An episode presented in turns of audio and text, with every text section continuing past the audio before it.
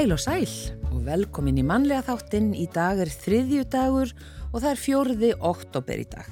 Já, það eru 88 dagar eftir að árinu. Takkið eftir hvað það verið fljóður að liða, sko. Já. Það er bara, já, ég hef oft sagt að hvað bara ég blikka augunum eftir fyrsta september og árið er búið. Já. En við fyrir aftur í tíman, 1911. Þetta var alveg til að róa alla svona, Já, já, já. svona slökunarsetning. Já, og ég þarf líka bara að anda rólega og, og njóta. Já. Eh, En 1911 á þessum degi, 4. oktober, kennsla hófst í Háskóla Íslands. Já. Og svo var það 1939 þjóðvilinn byrti ásakanir á hendur ráðherrum um að hafa viðað að sér kólum á skömmtunartímum. Rittstjórar blaðsins voru síðar dæmdir fyrir meiðirði. Já, ráðherrarna hafa ekkert viljað viðkjanna þetta náttúrulega. Nei, en uh, þjóðviljin byrti ásakanir, já, uh, emitt, sovjetmenn skutu geimfarinu Sputnik fyrsta á loft á þessum degi árið 1957. 1970 rauðsokkarheyfingin var stopnuð á Íslandi. Fjölbrytaskólinni Breiðholti hóf starfsemi sína á þessum degi árið 1975. Svo var það 1984, tími sem margir muna, allsherjar verkfall BSRB hófst og stóð til 30. oktober. Áhrif þess voru viðtæk, meðal annars voru skólar lokaðir, strætisvagnar gengu ekki og ríkisútvarpi sendi lítið sem ekkert út. Ég man mjög vel eftir þessum tíma. Ekki ég nefnilega. Jú, svo var þetta sko skaupið á þessum tíma. Er, þetta er skaupið það sem að, hérna, æ, það sem að Edda Björgvins var að keira bílinn og löggan stoppaði hana og, það, og þá voru bílar út í köndum allstaðar. Þeir voru allir bensínlausir. það var bara vantaði bensín. Já, nei, þarna bjó ég í Nóri. Já, þegar fjölskyldan satt saman heima og, og það var ekkit sjómvarp eða neitt og bara eigum ekki að tala saman. Um hvað? Alveg ég. Já, já. Uh, stjórnarskrár kreppan í Rústlandi náði hámarki á þessum degi árið 1993 þegar rústneskir hermenn rýmdu kvítahúsi í Moskvu með valdi. 1994 breski dægulega söngarinn Donovan skemmti í þjóðlíkuskjallaranum. Já, og bandaríski í þjóðleikuskjallarannum, ekki stærri stað. Nei. Uh, bandaríski tóm, tóbaksframleiðandinn Philip Morris var dæmdur til að greiða ekki krabba með sjúklings bætur á þessum degi árið 2002 og þessi tóbaksframleiðslu fyrirtæki endur með að greiða sko gríðarlega háar bætur til fullt, fullt, fullt af fólks. fólks. Já. Lára Rúnastóttir er gestur hjá okkur hér á eftir. Hún hóf ung tónlistarferil. Hún gaf út sína fyrstu breyðskifu árið 2003, þá rúmlega tvítug.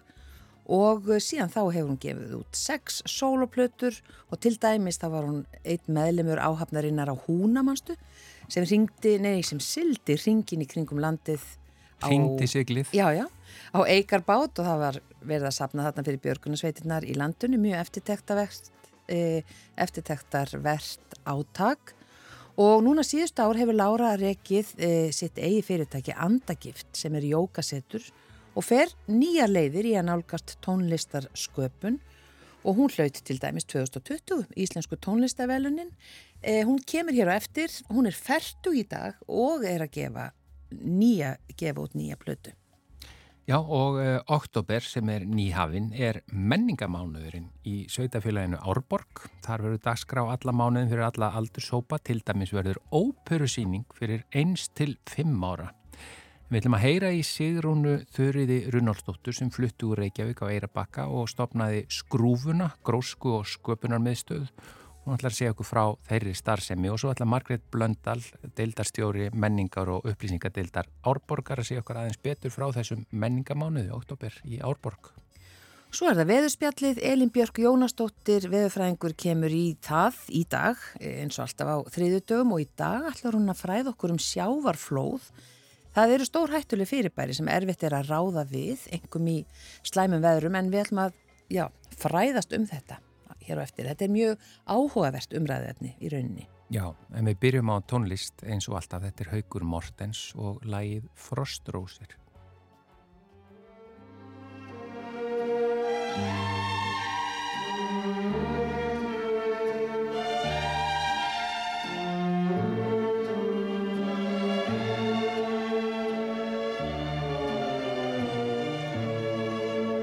Þú komst til að kveðja í gær. Þú kvattir og allt varð svo hljóm Á glugganum frostrósin grær. Ég gad ekkert sofið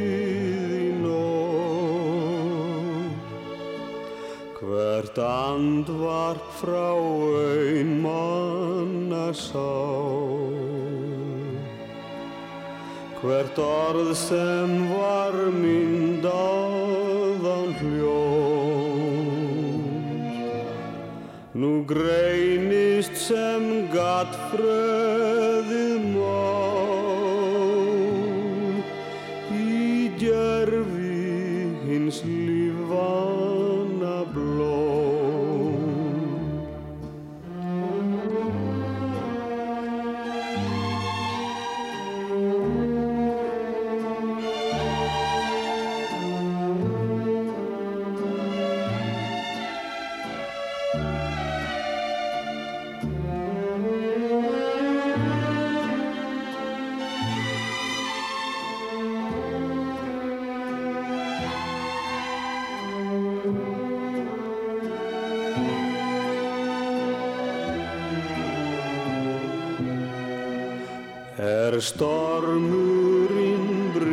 inn í bæ.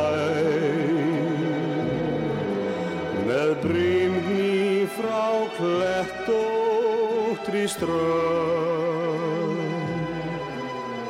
En reyðum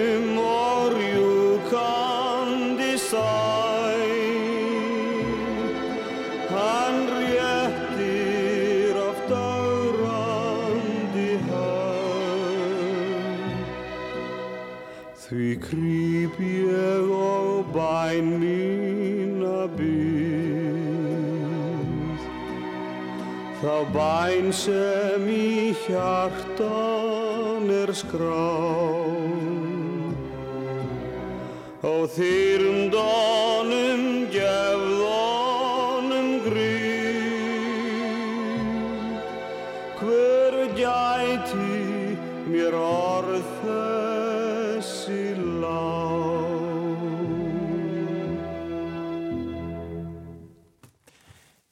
þetta var Haugur Mortens og lagið Frostrósir, lag og texti eftir Freymóð Jóhannesson. Já, og hinga er nú einmitt komin tónlistarkonan Lára Rúnarsdóttir. Velkomin. Takk fyrir kjærlega. Og afmælis barnið. Ammali sparinn 4. oktober. Já, fjörði óttabér, þú ert ferdu í dag. Já, Til lukku. takk fyrir. Mikil tímamót í lífinu. Já, algjörlega. Ég er eiginlega búin að vera svona hálf flissandi í allan dag. Já. Ég er búin að vera hérna undirbúa mig allt árið Já, fyrir þennan. fyrir þennan dag. Já. dag. Og kemur að þér á óvart bara svona, Já, hvað þetta er auðvelt. já, hvað er auðvelt? Já. En já, ekki bara áttu amæli í dag, Lára, þú gafst, eh, nei, þú varst að gefa út plötu líka. Já, ég gaf út plötu í sumar, sjönda, sjönda sem heitir sjö og er sjönda plata mín. Akkurat. Hann er allt í þessari heilu tölu sjö og ætlaði mitt að fagna útgáfi þeirra plötu sjönda tíunda. Október, já. Af hverju sjö? Er það, já, út af því að þetta er svona heil og tala? Já, þetta er náttúrulega hérna, heilug tala og sömulegis bara mín svona lukku og happatala Já. og svo var ég alltaf nummið sjö í körubólta. Nefnið það líka mjög mikilvægt. Já. Keppnismanni, upp alltaf. já, nú er ég, já, þannig að þetta hefur, þessi, þessi tala hefur fyllt mér og er allstaðar í kringum mig og mér fannst eitthvað fallegt við að kalla sjöndu plötunum bara sjö. Sjö, já. Alltaf þessu bara einföldu og þá man ég líka nú með hvað hann er, þetta er orðið svo mikið af plötum. Já. En hugsaður, já, þetta er orðið mikið, sjönda sóloplatan og þú ert bara rétt ferdu Mm og þú gefur út hérna fyrstu sóloplötu tvítu.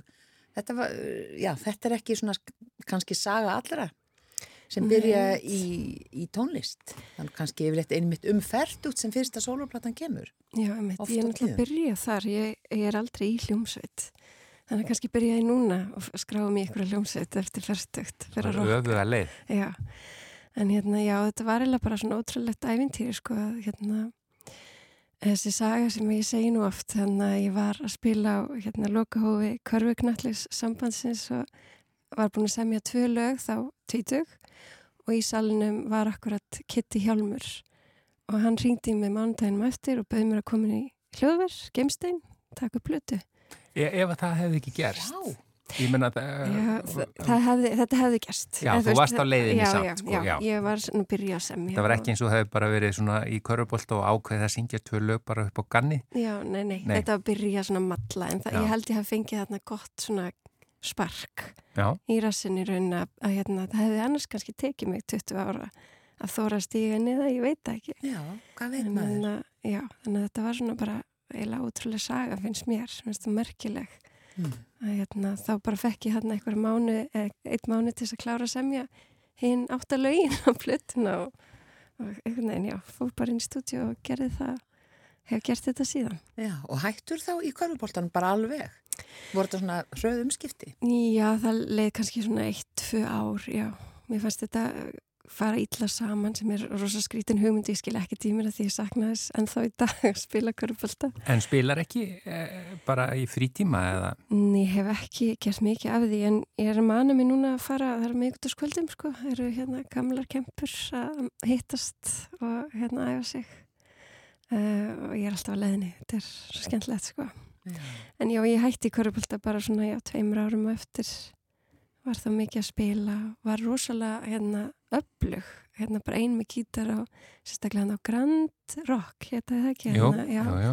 Það var náttúrulega miklu meira af svona stöðum þar sem maður gæti komið með gítarinn og voru nokkri, kannski fjóru, fimm artistar yfir kvöldið að spila.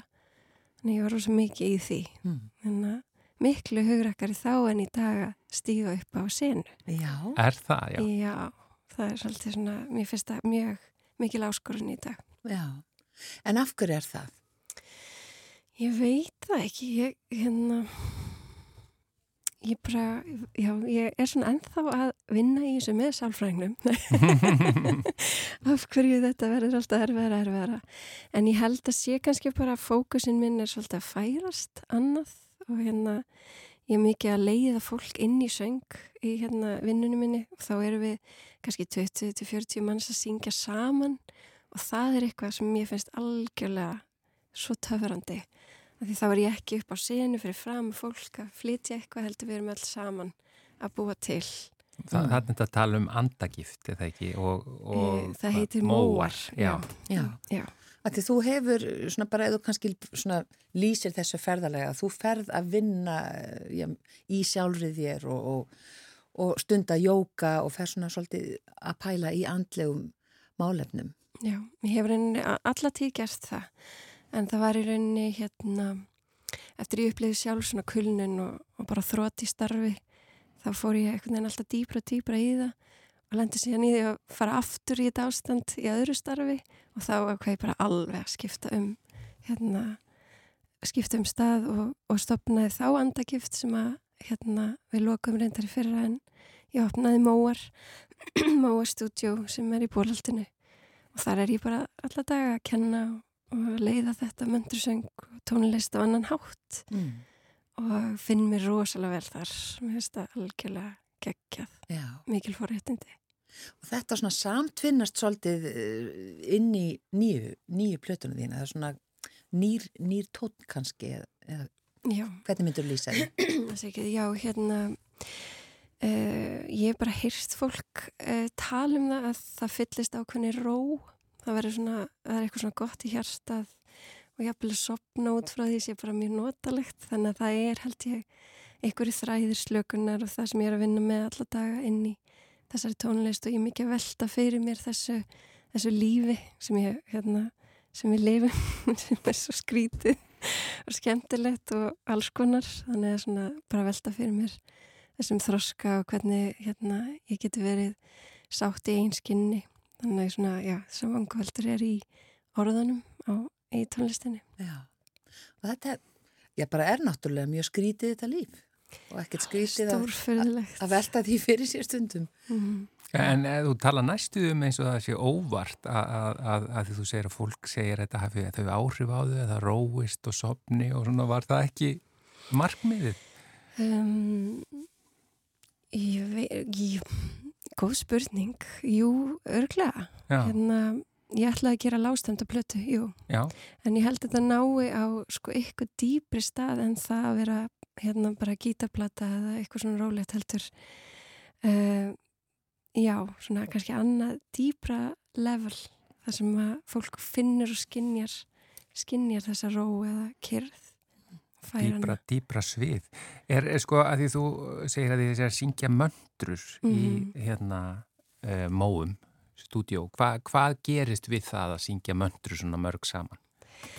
Sko það það, um, um, það veitir í rauninu bara, það, við sköpum ákveðin samhljóm, það fer eitthvað stað, við liftum, ég vil ekki vera með ómikið svona jóka tungum á ljóðarfi, en veist, þetta bara liftir orkunni, það er, veist, við að, við vorum að tala um það áður en við fórum í loftið, hvað er búið að vera rosalega þung orka, fólk er opáslega þreytt og það er deburð og þunglindi og við erum svolítið bara að kljást við okkur sjálf, en það sem söngurinn gerir er að sama hvar við erum stödd, það liftir einhver upp það reyfir við ykkur mm -hmm.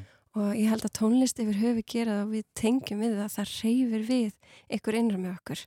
Það getur verið eh, eins og í mönturinu þá er það sett saman til að reyfa við ykkur góðu og jákvæðu eh, eða semst að lifta því upp og hérna koma okkur út úr hérna þessu, þessu erfið ástandi sem við erum búin að kannski vera að upplifa. Mm svo er bara eitthvað kröftut við það. Þetta er auðvitað bara svona svipa og kórstarfsemi, þú veist, það er eitthvað við að koma saman í hóp og allir syngja og í möndurinn erum við ekki að vanda endilega hvernig við erum að beita röttinni heldur við erum bara að syngja út og það verður eitthvað svona dásanlega kraftur. Já, akkurat, ég held að flesti getið mitt tekið undir þetta. Þetta, hérna, liftir manni upp það er ekki hægt að eiginlega syngja í í vondu skapi mm. það er alltaf mjög, mjög erfitt mm -hmm. en já, væri til dæmis morgunsöngur svona í fyrirtækjum og, og stafnun væri það ekki bara góð hugmynd er lifta andanum í upphafi mm -hmm. dagsins já. eins og ég gerst skóli með það ekki svona einhver morgunsöngur já, var allavega var, já. já algjör snild, þetta er góð hugmynd ég get komið inn og rúfa og tekið ykkur starfsmennina í Já, bara kortir í nýju Þetta morgunsöngi í útvarpinu Já, Já, og landsmenn syngja með Lalala. Já, bara eitthvað svona skemmtilegt að syngja saman já. En já, þú ert færtulára í dag og, og hérna og, og með því bara glæsilega tónlistarferil e, tónleikarnir á förstu dagina en hvernig ætlar að eða deginu? Í dag? Mm. Ég hef búin að eiga bara mjög góða morgun. Ég hérna, var vakin í rúmið með, með söng og gjöfum og þetta er heldur uppáhaldstund ársins. Allir mæ, mæta alveg ótrúlega þreytir og reyna að syngja fyrir mig. Og hérna, og svo ætla ég bara að kenna möndursönga einmitt í hátteginu í dag, millir 12.1 og, og fara síðan í nutt og enda á Östur Indiafélaginu sem er bara besti veitingastadur í heimi. Þannig að það er svona, já, það sem er allan ákveð í dag, svo verður mann eitthvað óvænt. Já, dásamlegt. Þetta ljóma vel. Mm. en bara takk fyrir að hérna gefa þið tíma á þessu merkilega degi til hafmyggjum með nýju plötuna og við ætlum að heyra núna lagið Andblær af henni og minna á tónleikana á förstu daginn. Hvar fara þeir fram? Þeir verða í yðnú klukkan 7.30 eða halv 8 Halváta? Já. Já. Í yðnú. Kæra þakkir og til hamingi aftur. Til hamingi með stóra ámali. Takk fyrir.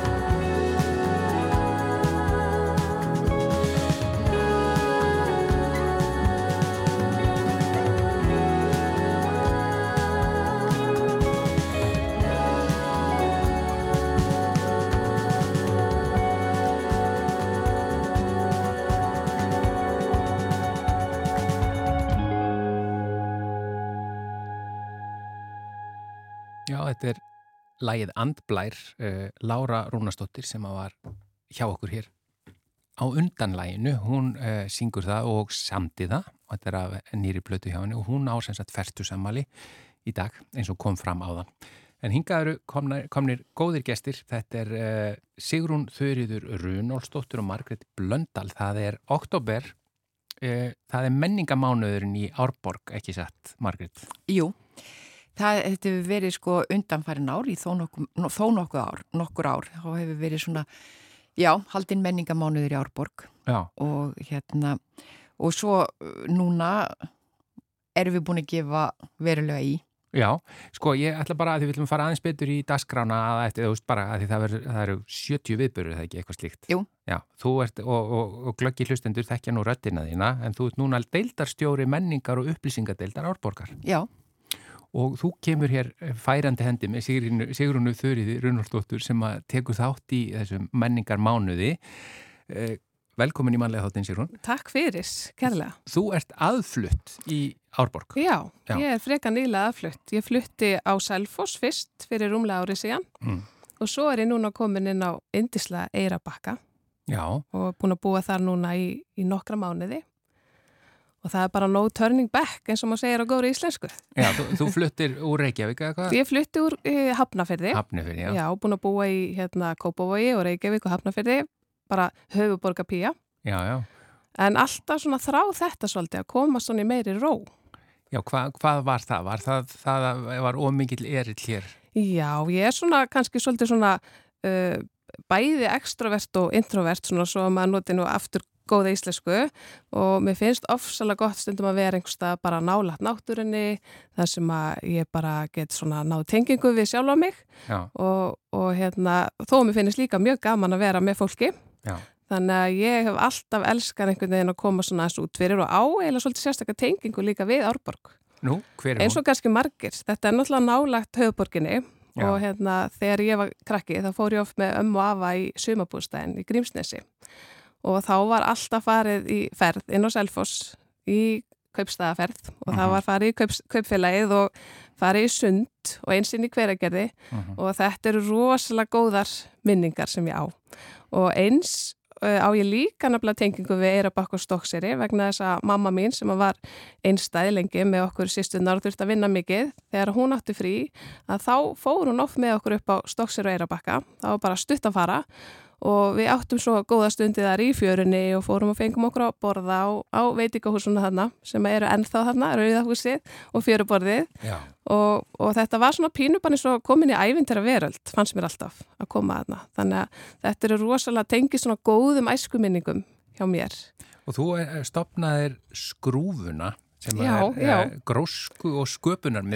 Hva, hvað þýði það? Hvað er það? Já, það er svona eitthvað sem ég er búin að vera að reyna að finna svolítið út úr. En hérna, ég ákvað bara því að ég, uh, 2020 í COVID, þá misti ég vinnuna sem flugfræja, búin að vinna við það í mörg ár og hugsaði með mér, nú er bara svolítið tækifæri fyrir mig að gera það sem ég var búin að ganga með í maganum og þurfti reyndar að samfara manni minn og börnin, það, það tók ekkert langan tíma sem betur fer. Mér langaði að flytja bara í minna bæjarfélag, samt nálagt höfuborginni, þannig að væri auðvelt að komast yfir, maður á fjölskyldi þar Mm. og mér langaði að búa til einhvern vettvang bara veljunar og sköpunar. Og það sem hefur valdið svona veljan hjá mér í gegnum tíðina er sköpun. Já, Ég hef glýmt við kvíða og alls konar eins og margir og, og ég hef alltaf einhvern veginn að gleyma mér og fá hugar á út af því þegar ég er að skapa eða bara upplifa sköpun annara. Og upprunnilega ætlaði ég að hafa þetta sköpunarhús en, en fljótlega þróaðist það reyndar yfir í grósku og sköpunarmiðstöð að því að það er alls konar starf sem er komin þarna inn sem er bara eitthvað sem ég hef ekki ímyndið mig kannski þegar ég fór að laðast að með þetta þannig að þetta er í stöður í þróun og það hafi verið þarna námskeið og viðburir sem að, hérna, sem að bara auðga andan hvernig þá námskið og hvað, ég meina, hvað fælst Það- í þessu? er ímislegt. Ég byrjaði, fyrsta námskeið sem ég held sjálf var svona makrami hnýtinganámskeið Ma og makrami hnýtingar. já, Já, hnýta blómahengi já, og já, það var fullt af fólki sem kom í það og rosalega eh, skemmtilegt start en ég ætlaði mér nú aldrei að fara að vera ein með námskeið, námskeiðin þannig og ég vildi ná svona kraftinum úr fólkinu Já. Og þannig að það hefur verið prjónanámskeið, Wim Hof námskeið. Og Jónsmessinu kom fullt af fólki og var að mála á steina. Þá tök ég líka inn hérna, ís frá ískerinni Skupp sem er svona rúsinni pulsendanum svolítið. Að, að þegar eitthvað er um að vera hjá mér þá er opna ísbærin og fólk getur fengið sér lífrannan ís frá Skupp Þannig að það er svona eh, alls konar. Alls konar, það hefur verið sköpunar og hugleyslunámsækki fyrir, fyrir krakka, listán múra sem er, var samstagsverkefni listamanna allstaðar ár heiminum með íslensku listamönnum inni á Littlarhaunni. Unni þar að listinu voru að vinna þá í skrúinu og á Littlarhaunni og heldur síningu á báðum stöðum. Eh, það hefur verið dansa salsa spákona var hjá okkur eh, síðustu viku og það síðustu viku, rosalega gaman. Þannig að, uh, þú, að þetta er svo fjölbreytt. Já, sko? þetta er svo fjölbreytt. Þú ert vantanlega þá ekki að kenna þetta. Alls ekki allt, all, en ég er bara að mæta á námskein, það er búið erfitt, ég þarf alltaf að mæta í vinnuna sko. Já. Þannig ég er búin að fara á alls konar skemmtilega námskein núna. En sko, tvær spurningar, Já. af hverju heitir þetta skrúvan?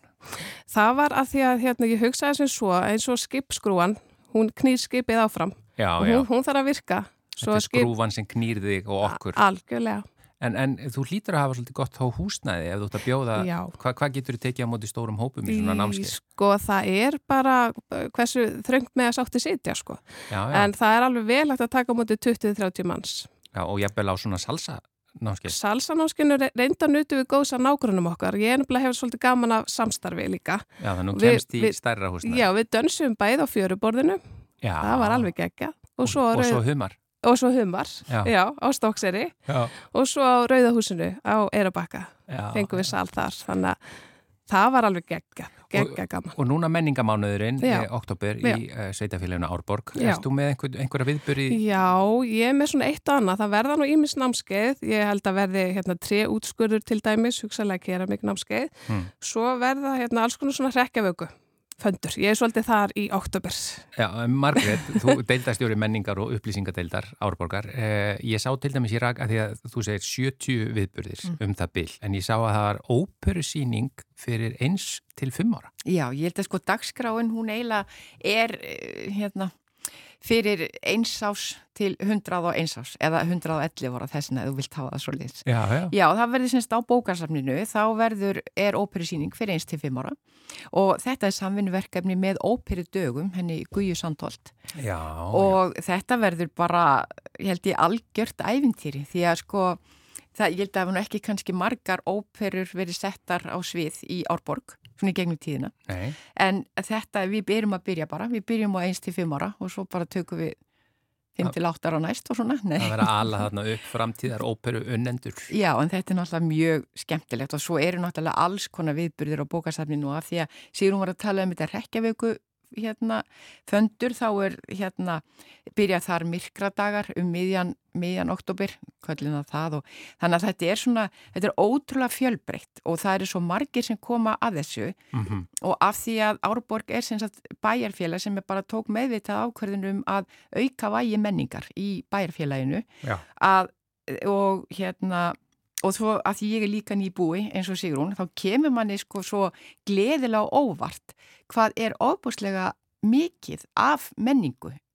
á staðnum sem kannski liggur ekkert alveg í augum uppi þegar þú ert að, að hérna, þegar þú hugsar til árborgar. Þetta er líka, ég minna, hvað búa margir í árborg? 11.000. Já, þetta er hansi stór Já, já.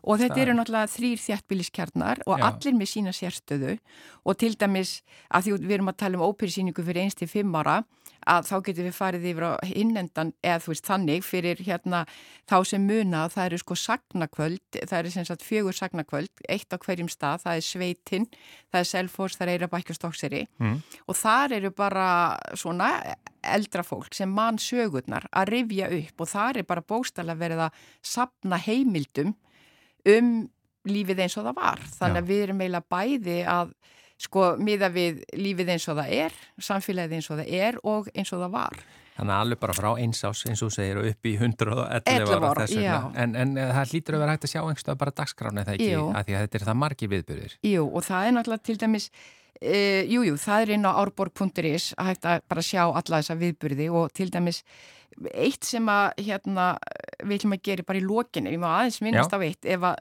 fyrst þú vilt ekki lesa alla dagskrána og bara byrja byrjuninni Já, við þurfum að koma fréttum að, sko. það eru mjög skemmtlegt en hérna en já, þetta er náttúrulega myndlist, leiklist þetta er alla listgreinar sem eru þarna og svona. En hérna í lokin, þarna að þá af því að nýji miðbærin, hann náttúrulega skiptir alveg rosalega miklu máli fyrir allt þetta samfélag. Og það er verið að opna þarna nýjan veitingarstað eða skemmtistað sem á heita Sviðið. Já. og hann er bara að opna núna í þessum mánuði. Og við erum búin að fá þetta að lána núna í lokmánaðarins 2009. og það er alltaf allir listaskólar árborgar að vera með opið hús. Og þegar við segjum allir listaskólar árborgar þá er satt býtu hva, hva, um hvað þetta tala? Já, ég hef mitt veltið fyrir mig hver- hversu margir þeir væru. Það er tónlistaskólinn, það er dansakademían, það er tónsmiðjan og svo er það listabrautin hjá FSU.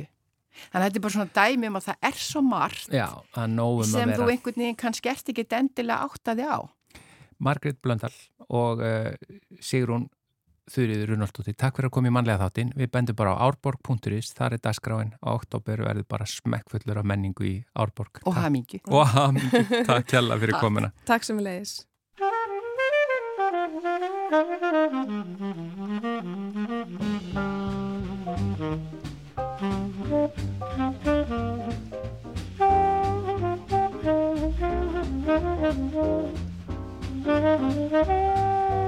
Thank you.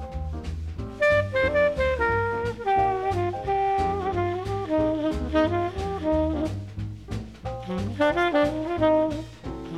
you.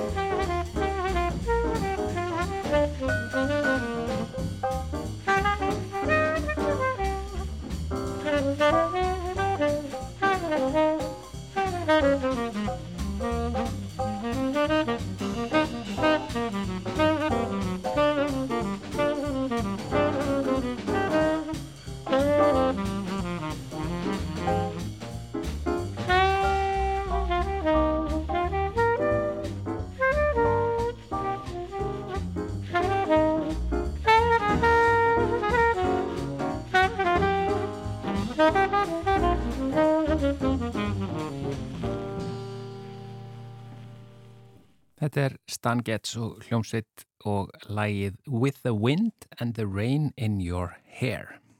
Já, það er komið að veðurspjallinu hér í manlega þættunum og Elin Björk Jónasdóttir sest hérna hjá okkur veðurfræðingur. Kontu sælublessuð Góðan dag. og velkomin. Takk.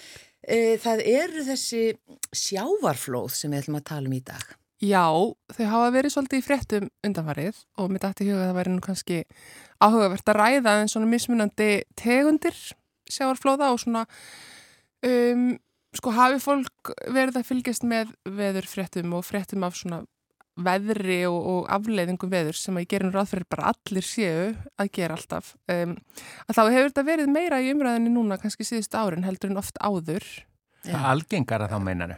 Já, sko við höfum auðvitað verið að sjá hérna bara hér á landi e, gríðarlega eigðileggingu að völdum sjáaflóða með sko einhverjum svona stórviðurum. Mm. E, 2019 að þá hérna í desember þegar að vera fyrsta rauðaviðvörunin að þá var náttúrulega rosalega mikið sjáaflóð e, í Húnavísíslanum með sérstaklega Sauðarkróki og þá bara fór varnagarðurinn þar mjög illa og sjófletti þarna inn yfir hafnasvæðið og eitthvað, eitthvað inn í bæ, minni mig.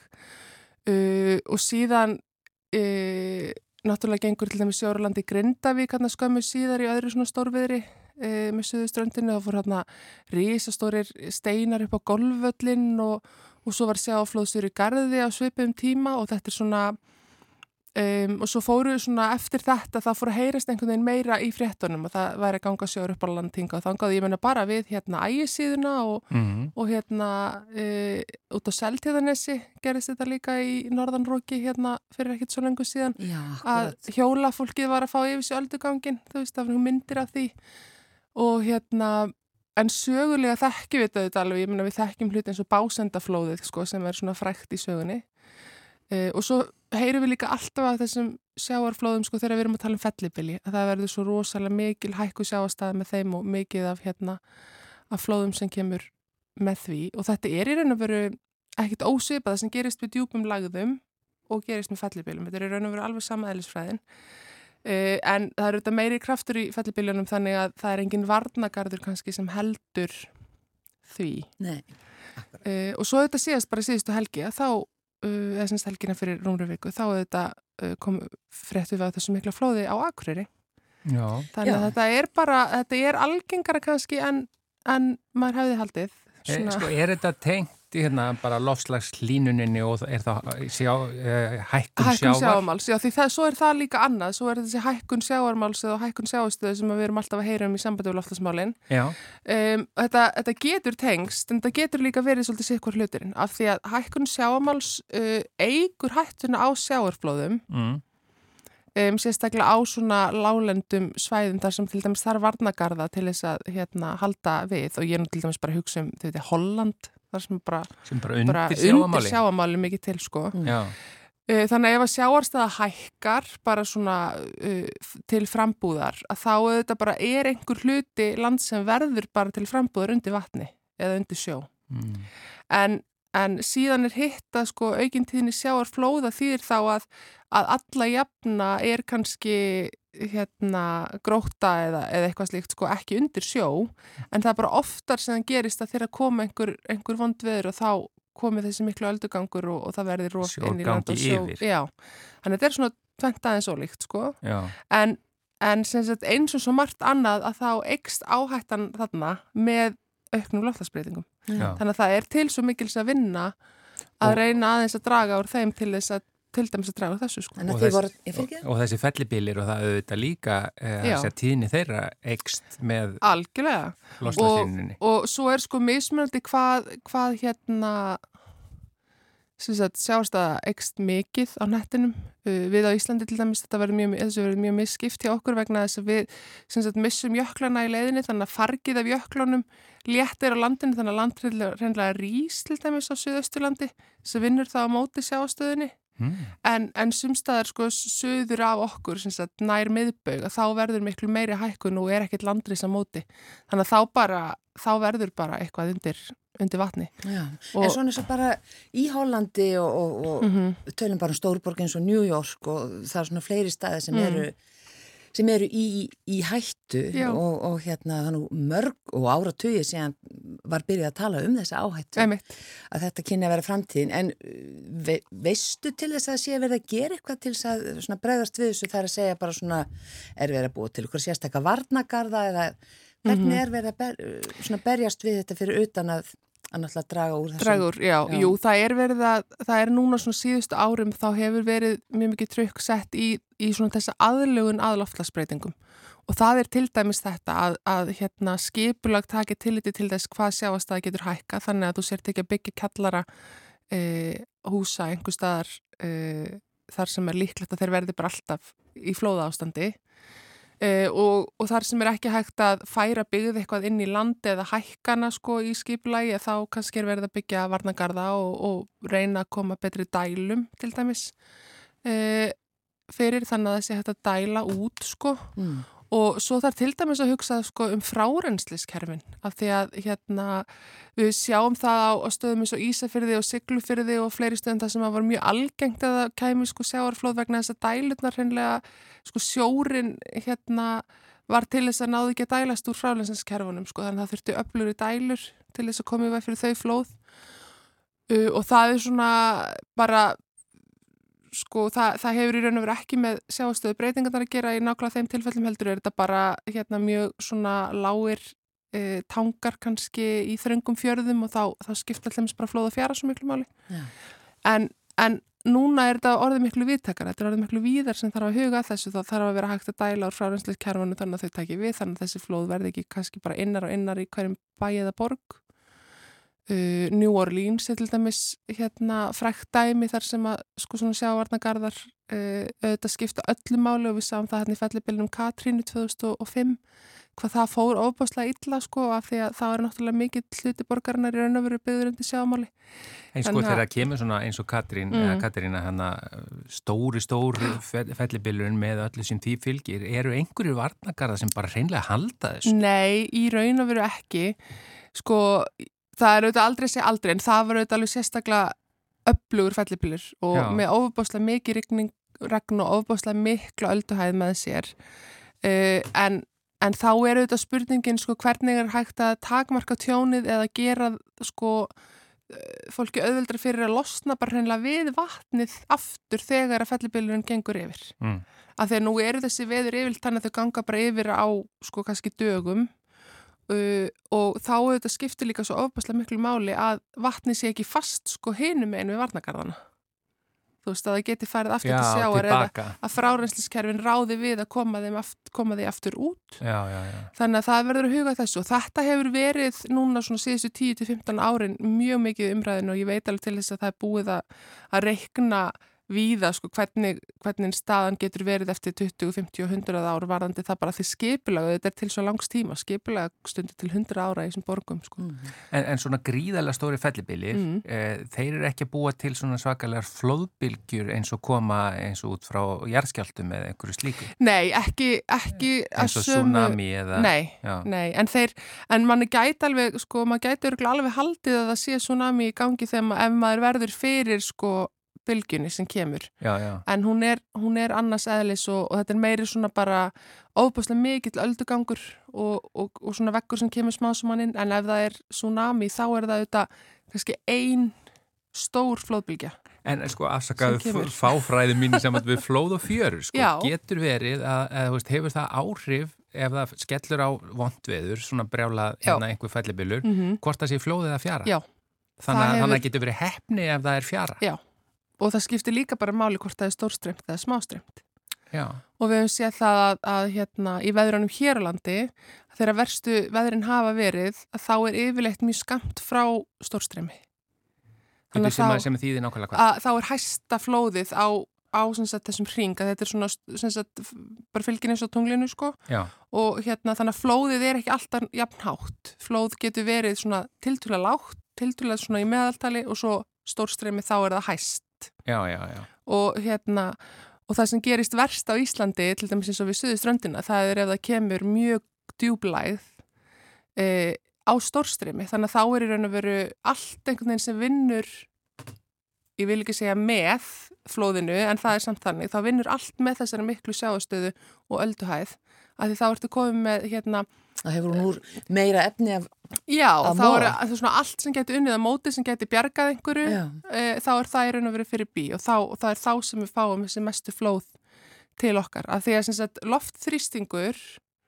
uh, hann í raun og veru er svo magnar því loftið það hefur þyngd og það hreinlega ítir sjónum niður. Mm. þannig að ef það er hæð yfir landinu 1030 millibur að þá er bara sjórin heldur lægri sagt, Já. bara hæðin á sjónum Heldur loftið á móti. Já, heldur en að dæmis í 930 milli bara lægð. Þá bara það munar sko 20 cm á sjáastöðinni. En svona stór streymi, að þú veist sem er þá í rauninni hæstu flóðin eða Mhm. hvað, já, er það einu sinni í mánuð? eða Já, hversu, svona hér um já. Um já. Já. Já. Uh, þannig að það er alltaf, það er alltaf hérna reglulega sko þetta stórstreymi. já. Og, og af því að það er það reglulega og við búum svo norðarlega, við fáum mjög reglulega líka djúpar lægðir, að þá gengur þetta saman að minnstakosti alltaf á einhverja árafresti og stundum á hverju ári. Að við fáum kannski versta veðrið akkurat þegar það er versta, versta hérna, stórstreymið. stórstreymið eða sjáastaðan. Já. Þannig að þetta getur bara verið já. Já, já, og er svona og það er þessi stóru flóð sem við þekkjum þau, þau hafa verið þannig, en ég held að þeir eru komið með sko fellibili, Mm. að þá eru þeir svo mikið afla, það skiptir í sjálfu sér ekki ekki máli, því það skiptir í sjálfu sér ekki máli fyrir eðlegginguna hvort þú ert með flóð sem er sko fjórum metrum yfir venilegt flóð eða fjórum og hálfum Já, já, já. veist, en hér á landi þar sem þetta getur skipt kannski bara einhverjum sentimetrum Mm. þá, þá skiptir það miklu máli Mm. en þetta er eitthvað sem við verðum að, að fara að huga betur að og skipleika fyrir Við erum búin að fylgjast núna bara undanfæri með afleiðingum þarna ían í Flórida. Þetta já. er alveg ótrúlegar myndir að sjá. Já. Þegar kemur bara, sjórin kemur inn í miðjan bæ bara. Og, og, og bara einhvern veginn einmitt svona eins og veggur sem bara færist inn með það er einhvern veginn, maður hugsa bara, það er ekkert hægt að Nei, gera. það er ekkert hægt að gera það eina sem þú getur gert og þetta, þau lærið þetta líka með Harvey í Texas í Houston að það eina sem getur gert er að reyna að hafa kerfin þannig að þú komir vatninu burt eins hratt og auðið er og auðvita minka álæð, ekki vera með sko mikilvægan infrastruktúr, mikilvæga innviði þau eins og bara bara, já, eins og bara hérna, tengivirki fyrir rafmagn og eitthvað slíkt, veist, hafa það kjallara við já, kjallara við ströndina, það er dæmis ekki mjög gott, sko, þannig að það þarf að færa allt þetta inn í land og, og, og svona reyna að koma þeim, koma svona inn við þeim í skjól, þannig að það sé hægt að nota það síðan þegar það þarf að dæla, því dælurnar auðvitað ger ekkert ef að rafmagniði farið, sko. Nei. Og því stærri og betri dælur, því betra. Það er Já, kannski það sem er já, verið að skoða. á- og kannski fjölgar, þarf þeim að fjölga líka, sko. Og hérna, þannig að þetta er, veist, þetta er, þetta er þessi kostnaður af loftasbreytingu, það er, hérna, við höfum stundu verið að reyna að fá fólk sem að vil meina sko að allar aðlögunar aðgerðirnar séu svo dýrar og allar, allar aðgerðirnar til þess að sko stemma stigu við loftasbreytingu séu svo dýrar, en þegar þú tekur allt þetta saman, þá er þetta svo óbæðslega dýrt og miklu dýrara heldur en hreinlega að draga úr, Já, úr útblæstrinum og bara, og dempa raunverulegu, sko raunverulegu orsökina. Já. Skrítið að, að, já, að það sé ekki komið lengra en það er. En kannski spurningum að fá sér bara setja bát í bílskúrin, það er kannski framtíðin. Já, ég á kajaka, ég er sé fyrir mér að það kannski geti komið sér vel. Já, það geti komið þér eitthvað. Já, já, heyrðu, en Elín Björk Jónasdóttir, takk fyrir að koma og, og hræða okkur Já. Já, svo erum við að reyna að hlæja líka, sko. Já, Já, já. En þetta er mjög áhugavert, það er nú bara kannski það sem maður... Já, Mjög áhugavert. Eins og allt veðurspjall hér í mannlega þættinu með þér, Elín Björk. Takk kærlega fyrir komina. Takk fyrir mig.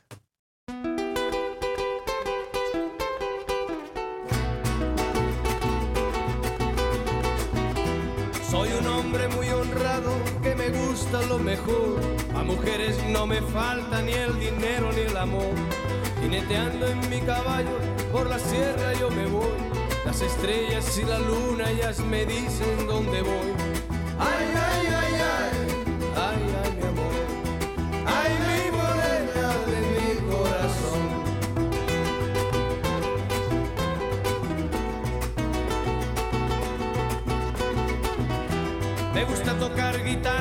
Me gusta cantar el son. Mariachi me acompaña cuando canto mi canción. Me gusta tomar mis copas, aguardiente es lo mejor. También el tequila blanco con su sal le da sabor. Ay, ay, ay, ay, ay, ay, mi amor. Ay, mi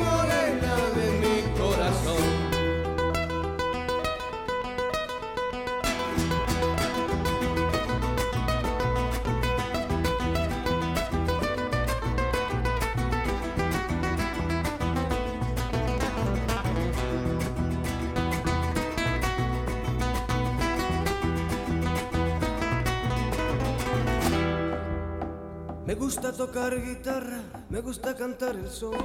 El mariachi me acompaña cuando canto mi canción.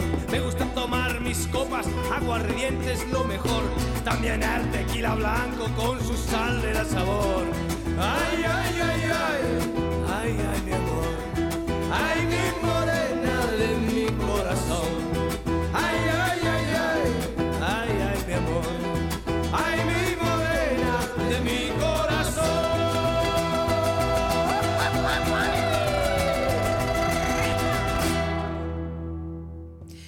Morena de mi corazón, Los Lobos og Antonio Banderas Já.